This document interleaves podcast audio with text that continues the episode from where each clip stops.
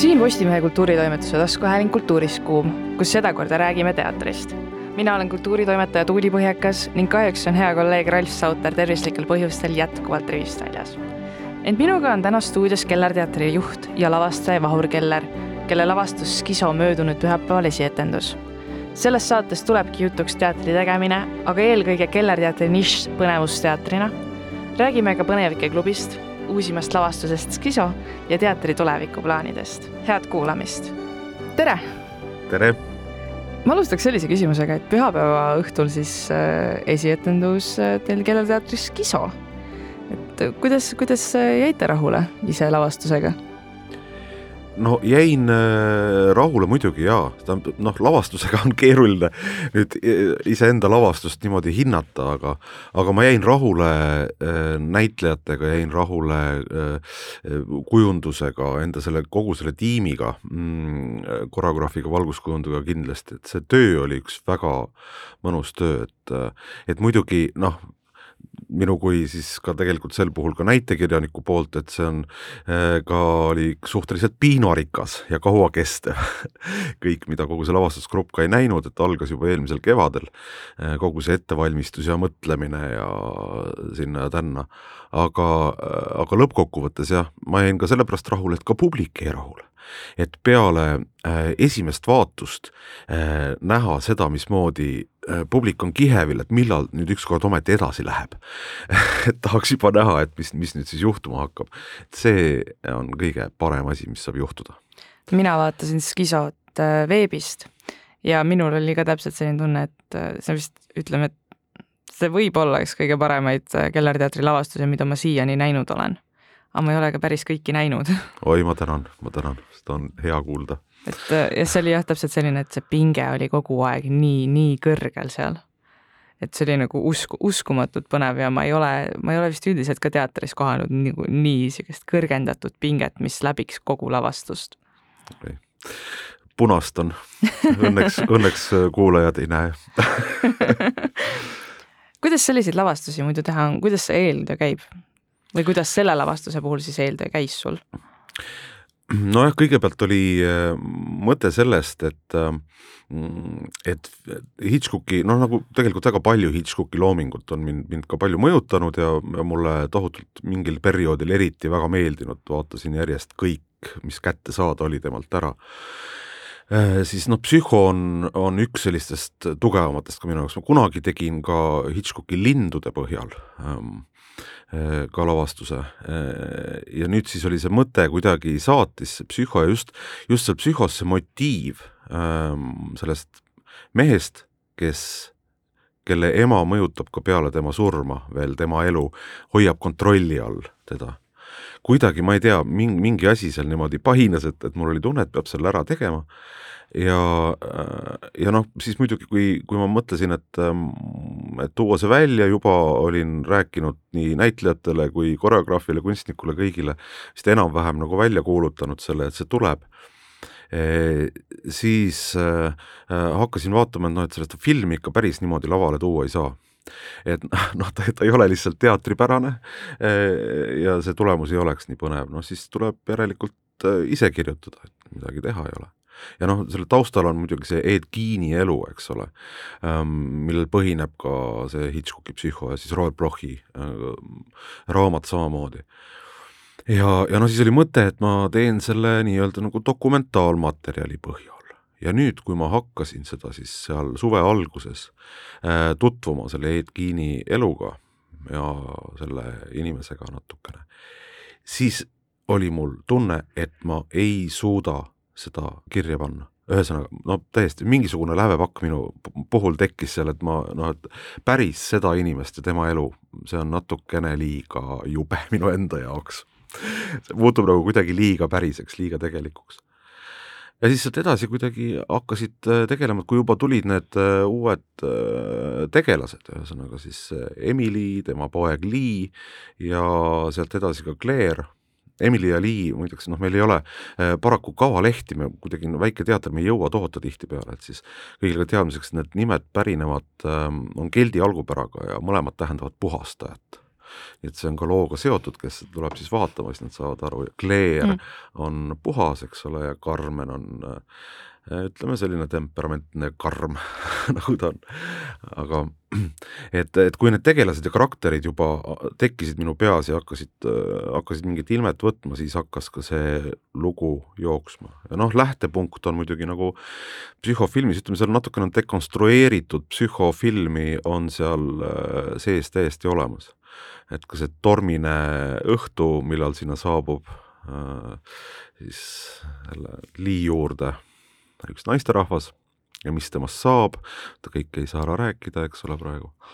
aga äh, ja, ja, ja pluss muideks üks väga huvitav asi, kas näiteks sina tundsid ära helikujunduses äh, psühhofilmist oli motiiv sees?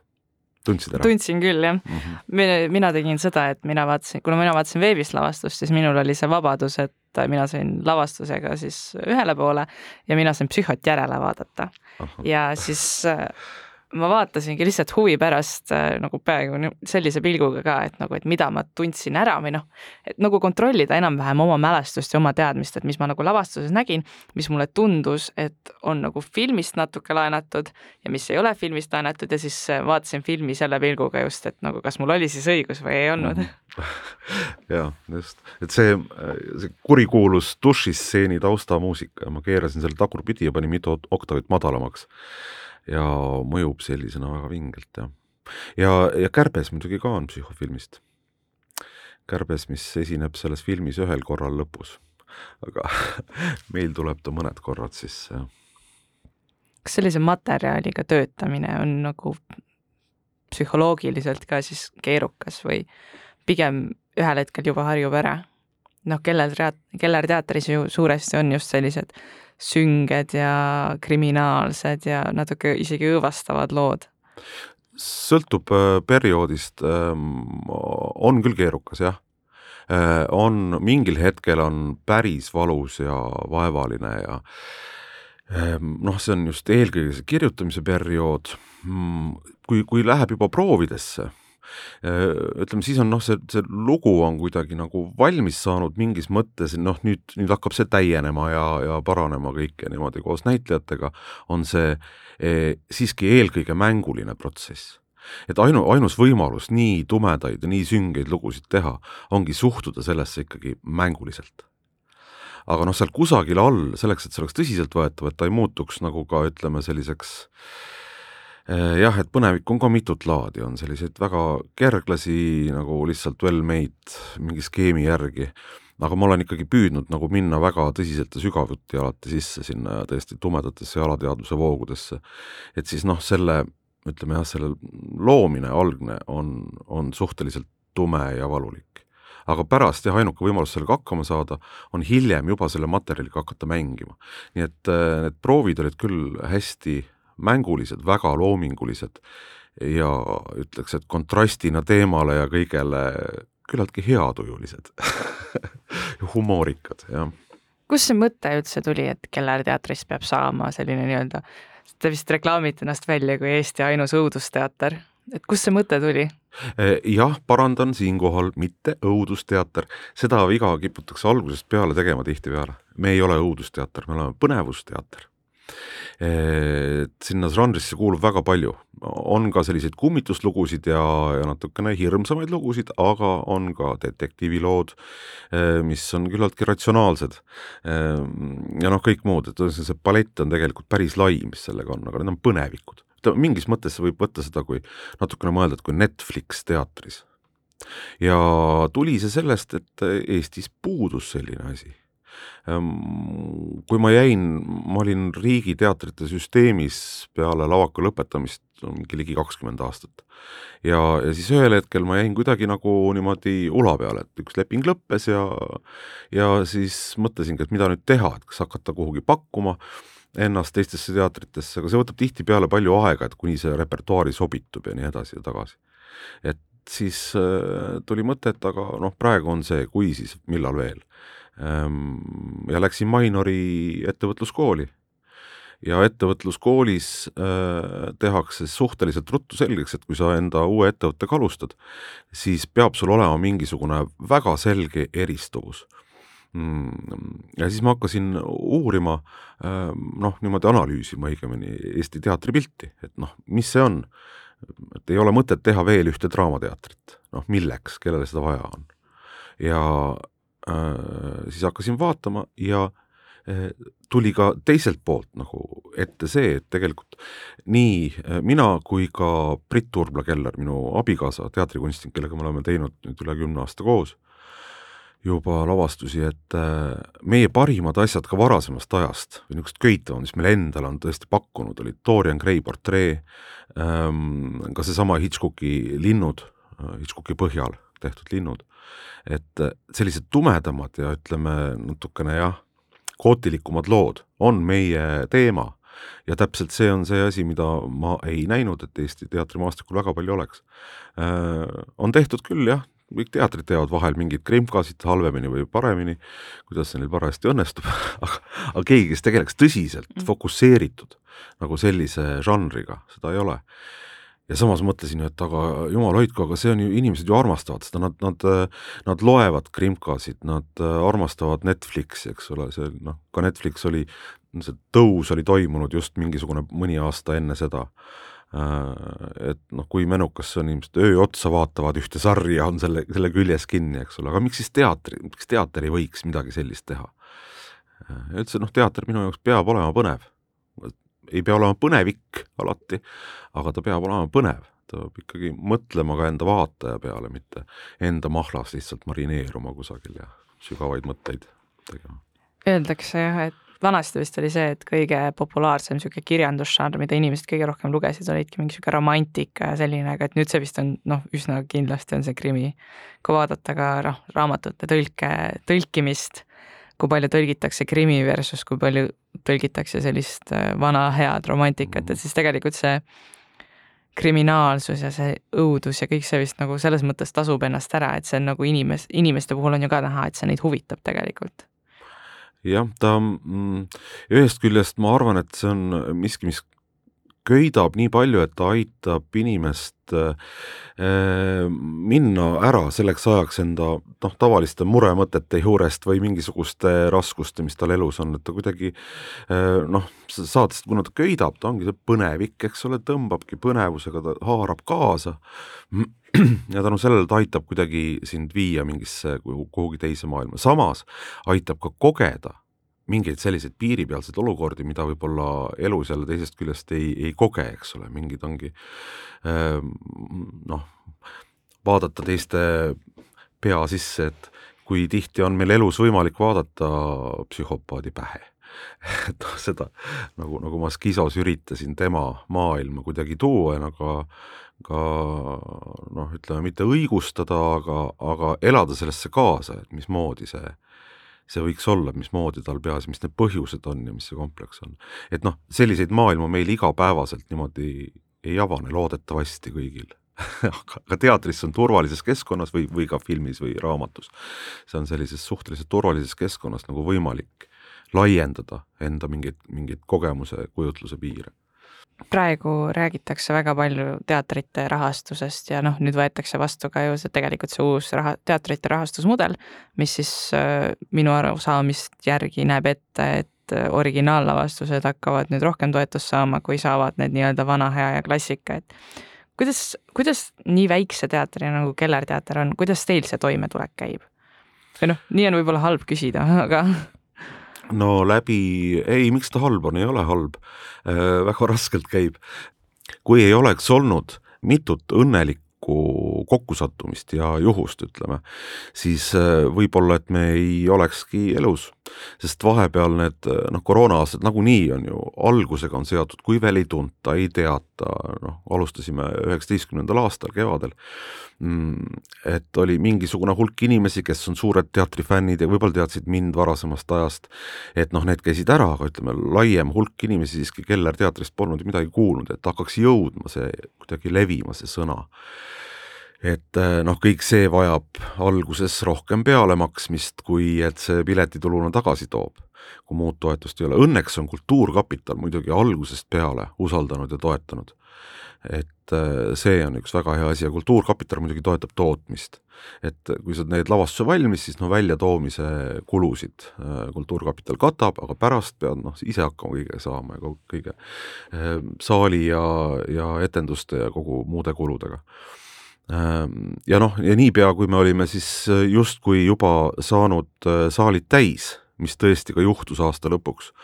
Ehm, seal märtsikuus olid meil juba paar kuud ette kõik saalid välja müüdud ja siis tuli lockdown. praegu on ka päris palju, ma just vaatasin teie kodulehelt, et äh, pileteid ei ole saada naljalt. jah, me oleme õnneks nüüd jõudnud umbes samasse seisu tagasi, jah.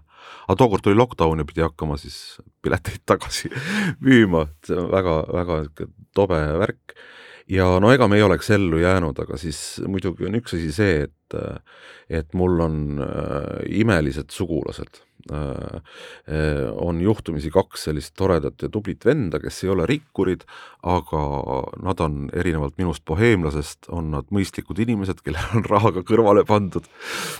ja et nemad väga palju toetasid, äh, samamoodi ka Briti ema toetas, kes samamoodi on ka noh, enda säästudest enam-vähem ja õnneks ma olen saanud maksta need ka hiljem tagasi, need laenud, aga lihtsalt noh, usaldusest nad lihtsalt ka laenasid raha ja, ja siis muidugi noh, ka need meetmed, mis tulid, kriisimeetmed, aitasid ka muidugi meeletult palju.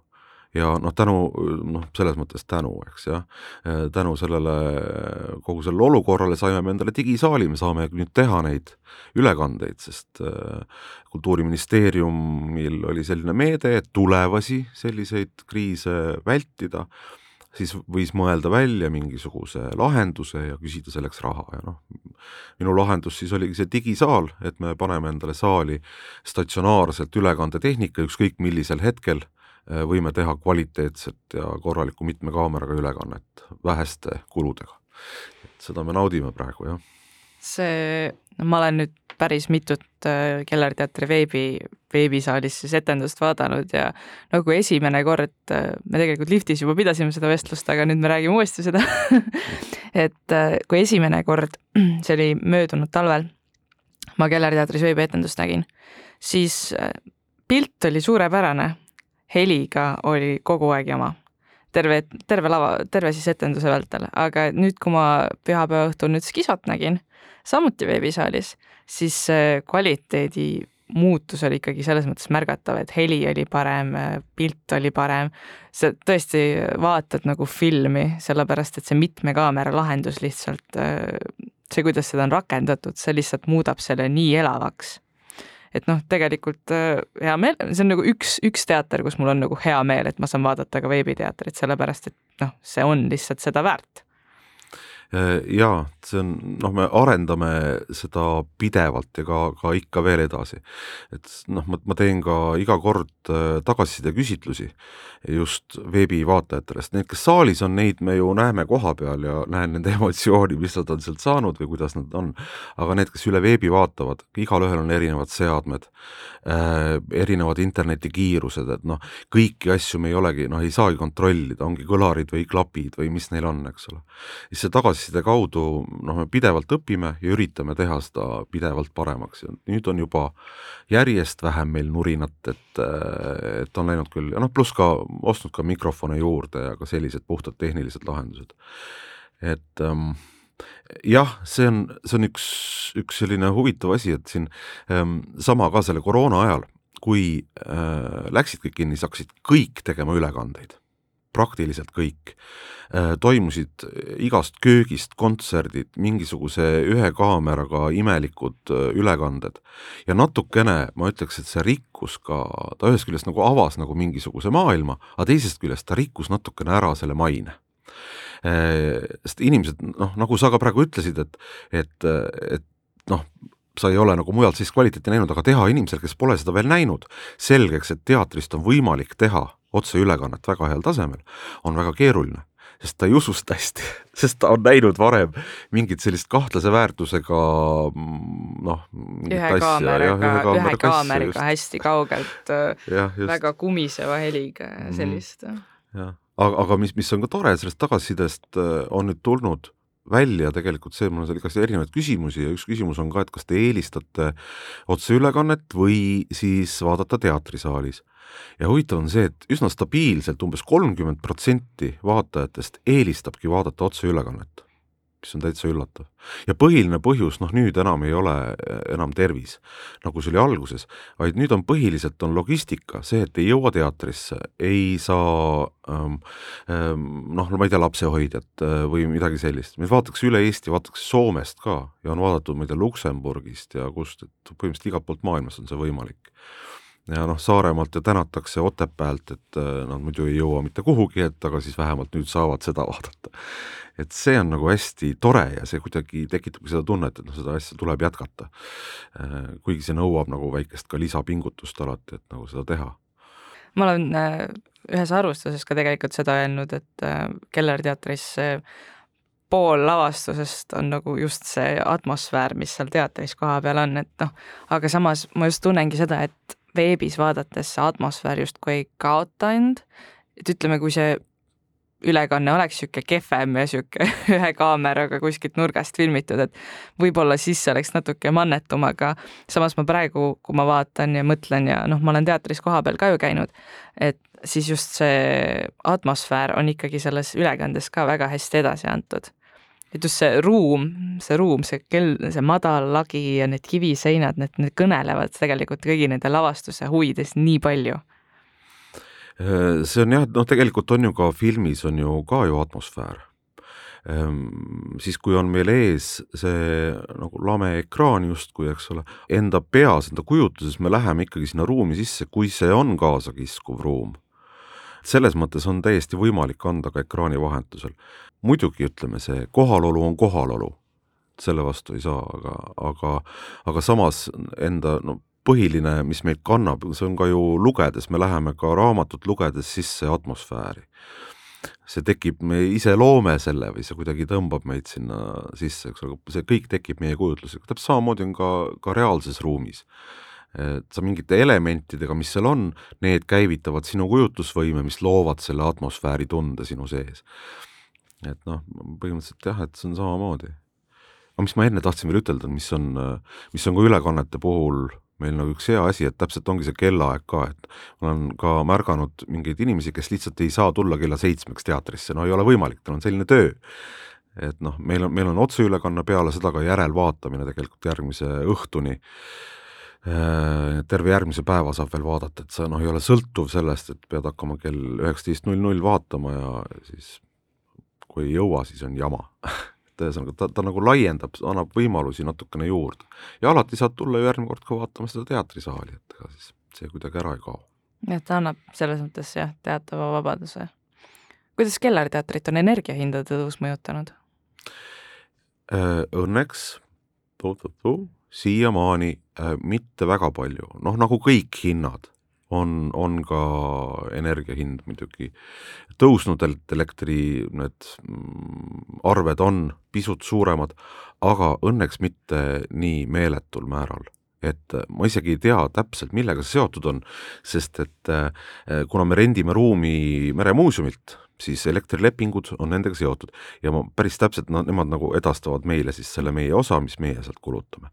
Äh, ja ma tõtt-öelda ma ei teagi, mis lepingud neil on et neil on võib-olla väga head lepingud, et meil, meil praegu jah, vaatasin just, sain kätte siin eelmise kuu arve ja ja ohkasin kergendatult, ei olnudki nii hull aga eks see on nüüd noh, iga, iga kuu jälle vaadata. et aga see konkreetselt jah, aga noh, eks kõik hinnad tõusevad ja tõusevad ka inimeste tasud. ja selles mõttes läheb küll, et me oleme tõstnud ka veidi pileti hinda, aga noh, seda ei ole võimalik lõputult kergitada.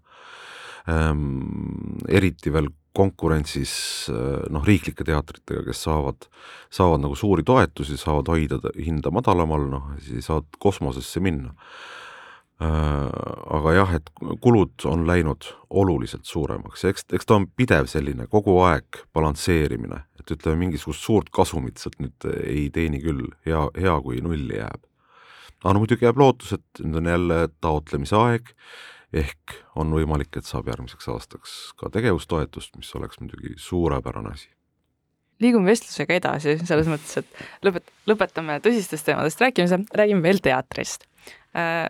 millised plaanid sul veel lavastustega seoses on? Mm, järgmisel suvel on äh, tulemas üks väga suur ja äge asi.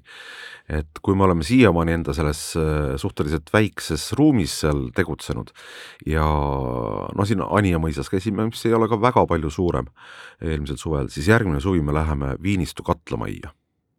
ja teeme seal Agatha Christie ja ei jäänud teda ka, mida Eestis tuntakse Kümme väikest neegrit nime all et seal on üksteist näitlejat, see on äh, väga võimas lugu ja ma olen sellest ka päris pikalt mõelnud.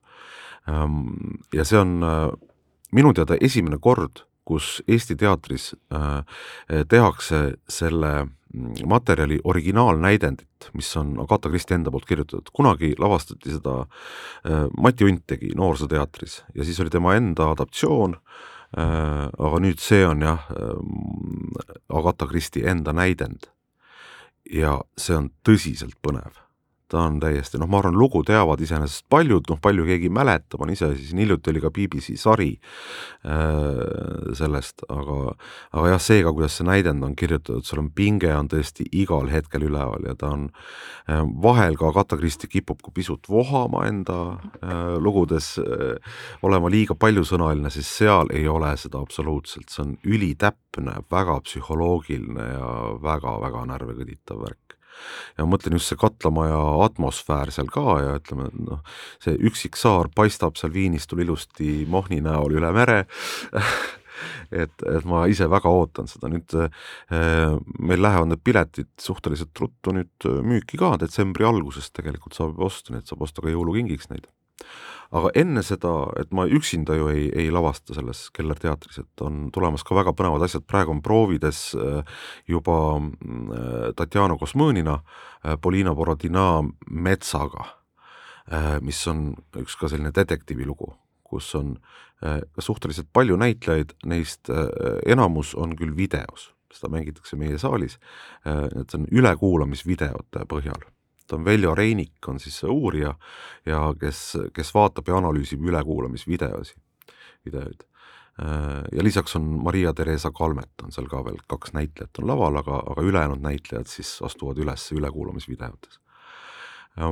Ja sealt edasi teeb Kersti Heinlo meie teatris uue lavastuse et kunagi oli Emilie Saget oli väga selline mõjuv tükk, mida ta meil tegi ja käis Draamafestivalil see ja nii edasi. Äh, nüüd tuleb siis John Foles'i Liblikapüüdja. Äh, see on ka just, jah, näen, et sa noogutad, on väga magus materjal, noh, ülimagus materjal, just. see on, äh, kui ma nägin seda pressiteadet selle kohta, et see tuleb, siis ma mõtlesin, ma olin siin kontoris ja siis ma mõtlesin, et ma pistan karjuma sest noh, liblikapüüdja ja üldse Fowls on üks minu absoluutseid lemmikuid. et äh, ma olin äh, tõesti, nagu ma nägin seda teadet ja ma olin nii elevil. noh, ma olen siiamaani väga elevil selle pärast ja ma usun ka ja ma arvan, et see kogu see kombo ka, Heinlo ja, ja Suits ja ma arvan, et sellest tuleb midagi väga lahedat, jah kas teil on mingi kindel valem, mille alusel te valite neid tükke või neid lavastusi siis, mida lavale tuua? Enda jaoks peab olema põnev, peab tekitama sellist erutust, et tahaks seda ise ka näha siis see ongi põhikriteerium. nüüd on hakatud järjest rohkem ka välja pakkuma, et pakuvad ka teised lavastajad, mis on mulle väga meeltmööda. ei, ei jaksa teha kõike ise. no algusest peale muidugi on teinud mitmed erilavastajad meil, aga aga nüüd jah, siin Andres Roosileht juba äh, pakub järgmist Stephen Kingi äh, asja ähm,. ja noh, siin ikka tulevad need pakkumised järjest ja, ja see, see, kui ma, kui ma noh, kuulan, et mida, mida lavastaja selle kohta räägib, loen materjali ja kui see mind ennast erutab, siis on juba see, et ma loodan, et see erutab publikut ka äh,. et eks ta niimoodi ongi jah enda materjal samamoodi, et mida, mida lavastada, et see peab ikkagi ennast köitma, ta peab kuidagi ennast üles kütma. et siis on seda võimalik ka niimoodi teha, et, et see on ka teistele põnev. kas mõne lavastuse oled pidanud ka tagasi saatma, sellepärast et äh, see võib-olla ei ole päris see, mida sa otsid mm,? küllap ikka ma ma vist, mul selektiivne mälu, et mul praegu konkreetselt meelde ei tule, aga ma usun, ma usun küll, et või vähemalt niimoodi, et, et noh, et otsida veel koos midagi muud näiteks või et jah, kui ideed hoida, aga mul konkreetselt meelde ei tule praegu. aga kindlasti on, muidugi, ikka. kaua see protsess iseenesest teil kestab, et et kui tuleb see mõte, kui tuleb nii-öelda tekst lauale ja siis äh, kuni lavale jõudmiseni, kaua see kestab? Sest ma olen kuulnud, et mõnes teatris on see uskuma, uskumatult lühike aeg ja teinekord jälle on see nagu metsikult pikk. see, eks see sõltubki noh, psühhoidee, mis siis realiseerus Kisona ähm,, on võib-olla kolm aastat vana, noh ideena eks ole, ideed võivad olla ka kauem, aga et millal nad hakkavad vormuma ja millal tekib see hetk, et nüüd, nüüd on see hetk. Aga noh, siin jah, liblikapüüdja pakkus välja Heinloo sügisel äh, ja ütlesin, et jess, teeme kohe ära, et ütleme, ma arvan, et väiksemas teatris käib see ka natukene kiiremini, et kui on tõesti hea idee, et meil on noh, praegu on lukus, ongi suveni kindlalt. Järgmine sügis on veel praegu täiesti planeeritav, et on nagu mõningaid mõtteid, ideid, aga mis täpselt tuleb, et eh, ei taha ka teha liiga pikka plaani, ma mõtlen ka iseenda jaoks näiteks. Eh, sest sellega muidu võib juhtuda selline paha lugu, et eh, äkki huvi kaob ära. kui ma tean kaks aastat ette, mida ma kindlalt teen, siis võib, noh, ma ju ei tea, võib-olla mul tuleb midagi muud, põnevamat sel hetkel just, mida ma praegu tahaks teha et äh, see tundub kuidagi nagu sellise nagu liigse sidumisena, jah. no tekstidest, äh, noh, võtame Skiso näiteks, mis kolm aastat siis ideena, kolm aastat tagasi ideena valmis oli ja nüüd siis äh, la lavastusena vormunud. kas sa nendest tekstidest ära ei tüdine vahepeal? nii kaua töötad ühe teksti kallal mõnda aega ja siis tekib järsku sihuke, ah, ma enam ei viitsi seda teksti lugeda. aa, ei, no ütleme niimoodi, et ega alguses ta ei olnud tekst. tekstiks vormus see nüüd sel suvel ja et enne seda see oli lihtsalt see idee, see ongi see, see kujund, kuidagi see, see psühhofilmi mingisugune keskne kujund, mida ma isegi alguses veel ei oska nagu nii täpselt formuleerida ja pluss veel see, et siis, kui ma ühel hetkel ähm, avastasin Meelis Kubo järjest rohkem nagu väga kihvti näitlejana enda jaoks, siis ühel hetkel ma hakkasin nägema, et pagan, tema on see noh, siis Norman Bates, kes nüüd on Lee, aga et noh, nii, tema, tema on see poiss et kuidagi, noh siis sai asi natukene konkreetsema ilme juba. ja vahepeal äh, käis see läbi ka mingi sellise perioodi hoopis see idee, et äh, et ei olekski mina seda lavastanud, vaid äh, ähm, hoopis äh, Soomest mm, Kalle Niio oli selline mõte kutsuda teda, aga siis seal ajad nagu ei klappinud. et ta oleks olnud rohkem selline illusioonidega, rohkem visuaalne hoopis, mitte, mitte nii palju nagu tekstipõhine lavastus. no Kalle Niiole kuidagi ei klappinud ja siis ma mõtlesin, et ei, et see tuleb ikkagi ära teha Niioga või ilma ja ütleme noh, siis jah, seal ma jõudsin hakata reaalselt sellega tegelema ikkagi eelmisel, ei mis eelmisel, selle aasta suvel, äh, juunikuus sii-, siis ma hakkasin selle peale nagu mõtlema ja ütleme noh, alustuseks isegi natukene liiga palju kuidagi stressama sellega, et, et kuidas, et mis ma nüüd siis ikkagi sellega teen ja seal noh, muud tööd ka vahepeal ja siis kannatasin mitu kuud, kuni ma kirjutama reaalselt hakkasin, ma arvan, septembris. Äh, aga noh, selleks ajaks mul oli juba tegelikult mingisugune lugu kusagil enda sees olemas et noh, mul tihtipeale ka niimoodi käib, et ma, ma käin ja kannatan ja muretsen, kitkun juukseid, käin teistele närvidele ja siis kuni lõpuks ma olen mingisse punkti jõudnud, kus ma hakkan kirjutama, siis ma kirjutan suhteliselt kiiresti, niimoodi noh, mingi nädal aega magamata öid, kirjutan öö otsa iga päev ja siis siis lõpuks on see asi niimoodi noh, väljas ja valmis. ja siis ei tundunudki, et noh, et ei olnudki sellist stressi, stressamiseks tegelikult nagu põhjust. Eh, nojah, no eks siis tulevad jälle uued stressid. Aga et, et kas noh, jah, on, on see ikka hea ja adekvaatne ja nii edasi, aga eks see lõpuks näitajatega koos veel kõik paraneb, aga ma pean ütlema, et, et seekord oli, selles mõttes ma olin muidugi rõõmus, et ei pidanudki väga palju kärpima ega muutma, ta tuli suhteliselt niimoodi, nagu ma selle kirja olin pannud, suhteliselt niimoodi see tekst ka lavale jõudis ja kas sul seda on olnud, et sa võtad mingi teksti ja siis see tundub nii hea ja siis selleks hetkeks, kui sa hakkad seda lõpuks siis lavastuseks sättima ja kirjutama, et siis see enam ei ole nii hea mm,? mul vist ei ole nii pikki protsesse olnud. mulle tundub, et, et oleks jõudnud niimoodi päris ära väsida, kas oht on muidugi alati olemas, jah ähm,. jah aga noh, tavaliselt jõuab kuidagi ringiga tagasi, on see, et kui noh, kui sa hakkad tegema mm,, siis on ju fakt see, et kui on noh, ma ei tea, juba, juba välja kuulutatud, juba plaani võetud, et noh, siis sa pead seda tegema ja parimal võimalikul moel. et noh, see on juba ka mingi teatav selline professionaalsus, et tuleb leida siis üles need konksud, need äh, haagid seal uuesti enda jaoks muidu võib jah, mingeid madalseise juhtub tihtipeale ka ütleme prooviperioodi keskel, kestel, et kus ähm, ühel hetkel tundub, oota, mis asja, see kõik on nii jama, see kõik on nii mage, seda juhtub peaaegu et iga kord. mingisugune selline madalseisu hetk või mitu.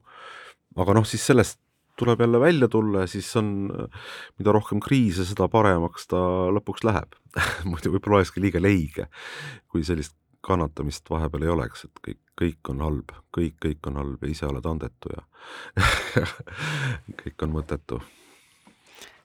Te tutvustasite Kellerteatris hiljuti ka täiesti uut üristuste sarja, mis on siis Põnevike klubi. milles see seisneb? See on jah, vot me oleme teinud äh, siin selle mõne aasta jooksul igasuguseid erinevaid formaate, me oleme teinud salonge, põnevikke salonge, kus on siin esinenud Indrek Hargla ja ja teised. Ja siis on olnud äh, ka loengusari näiteks, mis on meil ka televisioonis järelvaadatav praegu, kus Vseviov ja ja Rein Raud ja teised seal kõik räägivad, Aldur Mikita. Äh, ja nüüd kuidagi jõudis see seoses sellega, et, et meil on see noh, teleedastuse võimalik, võimalus läinud selliseks, nagu ta on, siis tekkis sealt loogiline mõte, et peaks tegema telesaate. see on ka mingid asjad kuidagi, äh, et noh, otsid ka nendes vormides või formaatides enda jaoks jälle mingit elevust, et elu lihtsalt liiga igavaks ei läheks. Siis, siis tundus, et mida veel ei ole teinud, noh, telesaadet ei ole teinud ja eks algus oli, mulle kunagi meeldis ka väga äh, Jüri Üdi klubi äh, ETV-s. ma ei tea, mitu aastat tagasi see oli, see on vist kümmekond isegi lausa või rohkem, ma ei tea ähm,. väga kihvt, just selline ongi kohvikulaudadega, mõnusalt istutakse, vesteldakse, ei ole liiga nagu kuidagi pidulik ja peale sunnitud, vaid on natukene selline vaba vorm ja põnevad teemad ja, ja midagi sellist, noh, üritasin taastada, hea muusika, mõnus muusika. et nüüd äh, tegime selle esimese piloodi ära siin jah äh,, kus oli siis, olidki Ara Jaraljan ja Jason Hunter mängisid äh, äh bassi ja truba ja, ja äh, alguses mõtlesin küll, et oleks keegi teine saatejuht, aga, aga lõpuks ikkagi oli ise saatejuht ka aga kihvtid saatekülalised seal, Tristan Priimägi ja Ralf Sauter äh, äh, vestlesid väga mõnusalt äh, filmi psühhoteemadel ja ja Jaan Martinson jagas raamatusoovitusi ja, ja näitasime Skisost väikest eelvaadet ja rääkisime Kristiina Baskevitšusega ja kuidagi see äh, äh, selline vorm jah, et ta on, inimesed saavad tulla sinna koha peale nautima ja ongi just nagu laudade taga rääkida mingitel nagu sellistel huvitavatel, põnevatel teemadel ja, ja samas noh, ka teha seda teleedastusena, et saad kodus võtta ka klaasi veini ja kuulata nagu põnevat ja sisukat juttu, et see on, see on mõnus, see ongi kultuur, kultuur on mõttevahetus, noh, mitte ainult, ainult ühepoolne etenduse andmine, vaid, vaid ka mõttevahetus kindlasti me nüüd jätkame sellega, nüüd paraku tulid küll jah, kiired ajad, et oligi see Skiso esikas tulemas, muidu oli isegi mõttes nagu kiiremini järgmine episood teha, aga praeguse seisuga tuleb see jaanuaris. ja siis see võiks olla sealt edasi, ütleme noh, niimoodi ütleme korra kuus, ma arvan, et jaksab teha, sest muidu on ka see, et teiste tegemiste kõrvalt lihtsalt ei jõua toimetada, et see oleks kõik selline ka väga äge, iga saade. kas need episoodid oleks siis äh ilmuvate esilinastu, esilinast, esietenduvate lavastustega seotud või äh, sellised üldisemad pigem? Äh, tegelikult tahaks jõuda ka sinna, et nad oleksid ka üldisemad. Äh, praegu on küll jah, esimene oli seotud, eks ole, skisoga, kuna see oli tulekul, noh siis selle kaudu psühhoga, eks. järgmine on seotud Agatha Christie'ga on mõte, aga tegelikult tahaks minna küll edasi, noh, eks nad osaliselt muidugi võivad ka olla mingis mõttes ka ütleme, ka see on ju ka promoplatvorm, aga kindlasti noh, ei tahaks seda teha, et ta on ainult reklaamiüritus, vaid et, et noh, siis käsitledagi, sest noh, ta võib ka olla selle lavastuse ümber, ongi, et saada natukene laiemat pilti ka erinevatest valdkondadest, ma olen mõelnud ka, et sinna mingeid psühhiaatreid saada näiteks ja Jaan Aruga olen suhelnud siin, et äkki saaks teda sinna saatesse kas või salvestatuna teha mingit lõiku, et kuidas ta võiks analüüsida, eks ole, äh, et mis toimub kas kurjategija peas või siis inimese peas, keda huvitavad kriminaalsed lood. et noh, kõiki nagu selliseid erinevaid vaatenurki, erinevaid pilke äh, sellisele põnevikele ja sellele teemale. et see, see oleks äge, jah aitäh sulle tulemast! aitäh kutsumast, oli väga tore